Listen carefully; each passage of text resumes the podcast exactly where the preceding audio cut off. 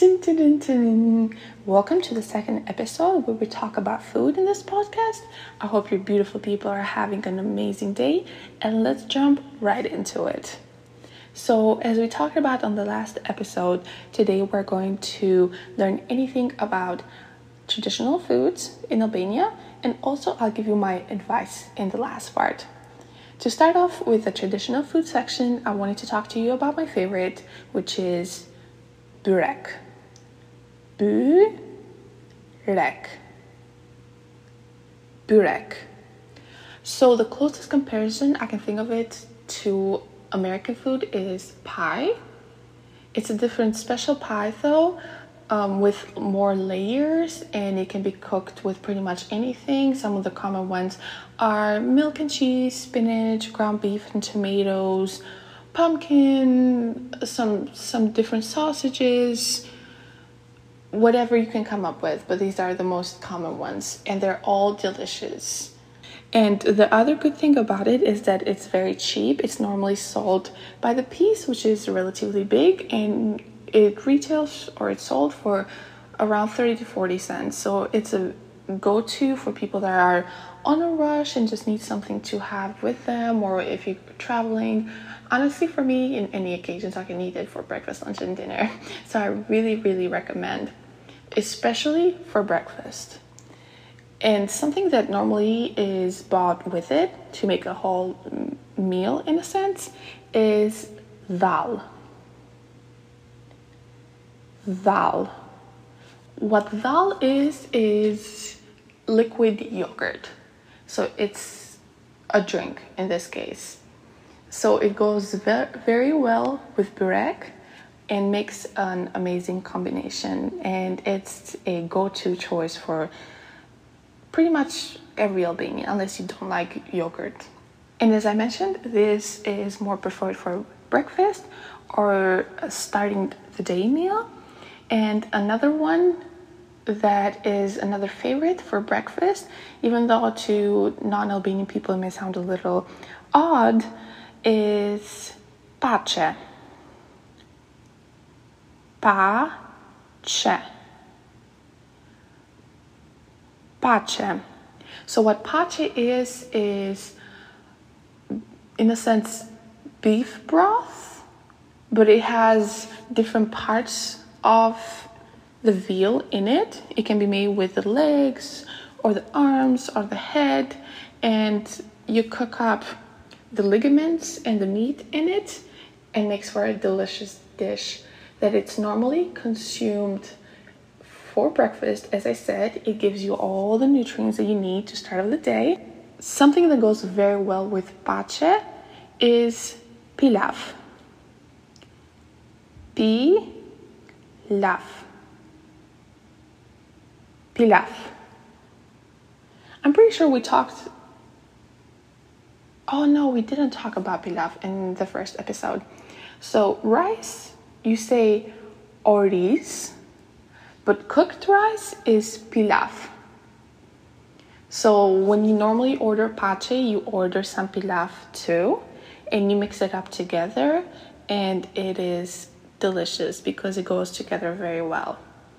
And a third dish that you can add to this combination to just take it over the top is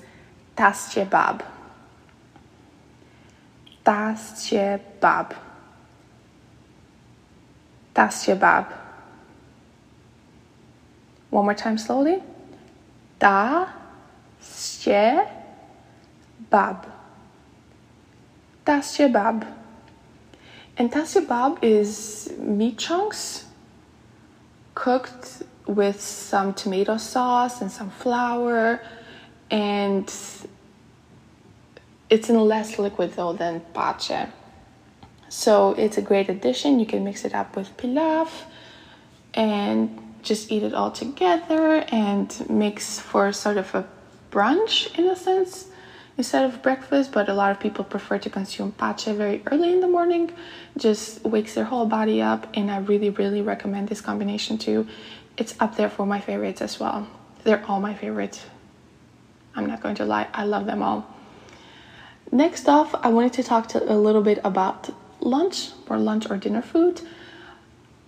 some very common ones are stuffed peppers or stuffed eggplants, and they're normally cooked with similar stuffing. For peppers, there's more rice into it, and then ground beef and tomatoes. For eggplants, there's normally not too much rice, but more ground beef and tomatoes. And the wor- the way you would call it in Albanian for peppers, stuffed peppers, it would be speca të mbushur. Speca të mbushur. S- Word by word, we translate peppers stuffed. And then stuffed eggplants would be patoljan i mbushur. Patoljan i mbushur. Word by word again, eggplants, eggplant stuffed. Another very popular one is bamia. And normally it's served with meat too, so you call it bamia me mish. Bamia me mish. Bami is okra in English, and it's cooked in a little bit of tomato sauce in the the meat broth, and it turns a little bit soft and in a sense gooey. So it's not for everyone, but it's definitely delicious as well. And another one of my definite favorite is tav kosi. Tav kosi. Tav kosi. What tav kosi is is based in yogurt and it's normally lamb chops cooked in yogurt with some rice and it's absolutely delicious. So if you find a place that's making it, definitely give it a try. And I also wanted to mention some of my favorite desserts, and a bunch of these are not, definitely not just Albanian. You probably heard of them too, but I'm still wanting to mention them because Albanians do have their own way of cooking it. The first one would be baklava. Baklava. Baklava. Next one, trileche. Trileche, more commonly known in America as tres leches. For these two, I won't tell you how they are. It's a little bit harder to explain. So definitely you can look them up easily though, and you'll get the sense of it. The next one is tulumba. Tulumba. It's this pastry served in a little bit of sorbet. It's a little bit more soft and chewy too, and it's delicious. It's a little bit like churros. That's the closest comparison I can think to it. And the last one I wanted to talk about today is gurabia. Gurabia. Gurabia. So, depending on who's making them, these are, in a sense, cookies, but better. So, definitely something to look out for. And now to the advice section. And I kind of wanted to do it like how I talked about the traditional foods, where I will give you advice related to breakfast, lunch, and then desserts. Okay, let's get into it. So for breakfast, I mentioned burek. Burek is normally sold in bakery stores. It's very easy to spot them and also you smell them from a mile away because they smell delicious. But just walking down the street, you can look in and see a lot of bread or desserts being sold in there. And they will most likely have burek too, especially if they have bread. Look out for the ones they sell bread. Next up for the pache, pilaf, and tas combination. Normally, these ones are sold into smaller restaurants, not the more luxury ones. And these type of restaurants are normally hidden in the neighborhoods. So definitely, when you look up places to eat, most of these places won't even be in the maps. So just go browse down different neighborhoods and you'll definitely spot some of these cute little restaurants. And something that I definitely wanted to mention that is very important that I should have mentioned in the beginning is that there is going to be a language barrier.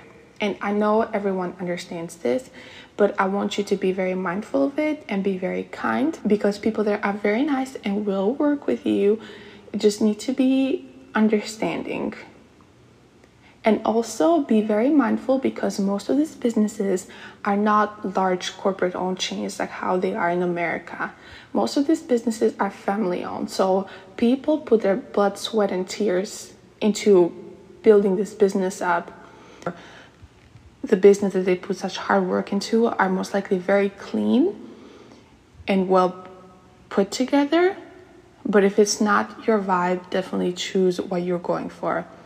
But for the best foods, I do recommend small family owned restaurants. Definitely 100% every time. Just be mindful to be nice and kind. Okay, going on to the next advice. When you go to different parts of Albania, you'll see different food menus. So if you're going to the mountains, if you see seafood in there, be mindful of the environment that you are in. Is there a lake or a river near it?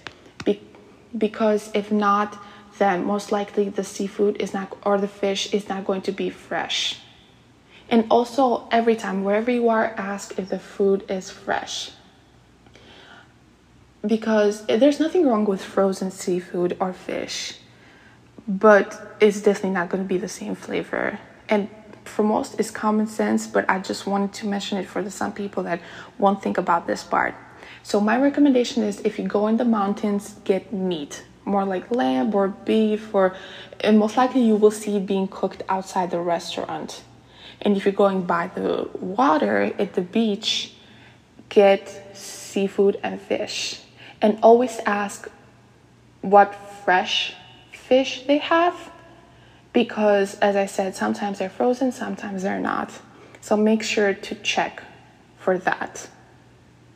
And again, even if it's in the mountains, if there's a river or a lake near it, they may have fresh fish too. Just ask, and for the meat as well. And going along with that, also ask if they have a dish of the day because most of these family owned restaurants do make one or two dishes every day that's more fresh and um, it's kind of like how small restaurants in America are too, but these are definitely more tasty. So make sure to ask for that. And if you see any hesitancy from your waiter, don't be afraid to ask them to go check with a chef too, just to be sure, because in the end of the day, you are paying the money for the food. And now I just wanted to give you some recommendation for the fish. My favorite of my favorite choice is normally juice. Juice and levrek levrek these are most often found in Albanian's sea and also depends on the region of Albania that you go to but these are the most common ones so definitely check for those and for your cheeses because this is very important too. My favorite and the ones that I see more common that are also produced in Albania too are kachkaval, kachkaval, and white cheese, word by word, is called djath i bardh. Djath i Bardh. Normally, when Albanian families go to eat a meal in a restaurant, they get a salad and some cheese and some fries so everyone can get a little bit of everything so these two cheeses are normally the choice for these type of meals as well but you can also order it however you would like as well and lastly for the desserts like i said they're normally found in places that sell bread in bakeries but they can be separate too and it really depends on where you order them some places are better, some places are worse. And since I mentioned bread, bread in Europe, in Albania too, is going to be different than anything you've ever tasted in, in America. different. So definitely try some bread too. And it's way cheaper as well. And experiment with different flavors. But back to the desserts, it really depends on the place. Check how clean it is and where it is located. My two favorite spots for desserts is one in Tirana, one in Durrës. The one in Tirana is called Pasticcerie Arbri. is located near Villa Goldi in Ruga Dibrës. And these are not sponsored or anything. These are just my genuine recommendations.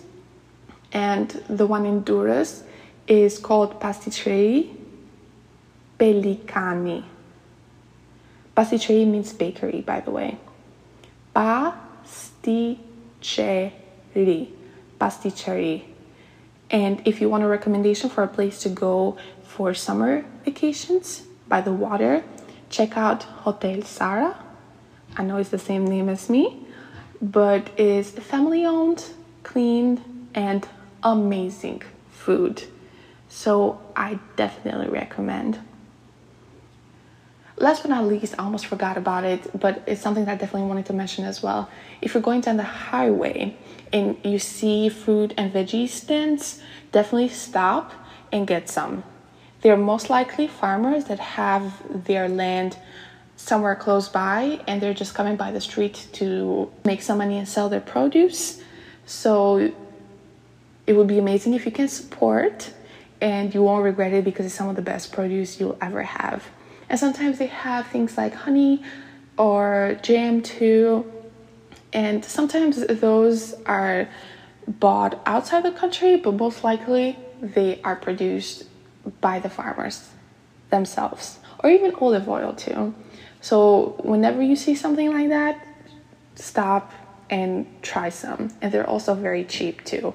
And they can also be located in big cities like Tirana or Durrës.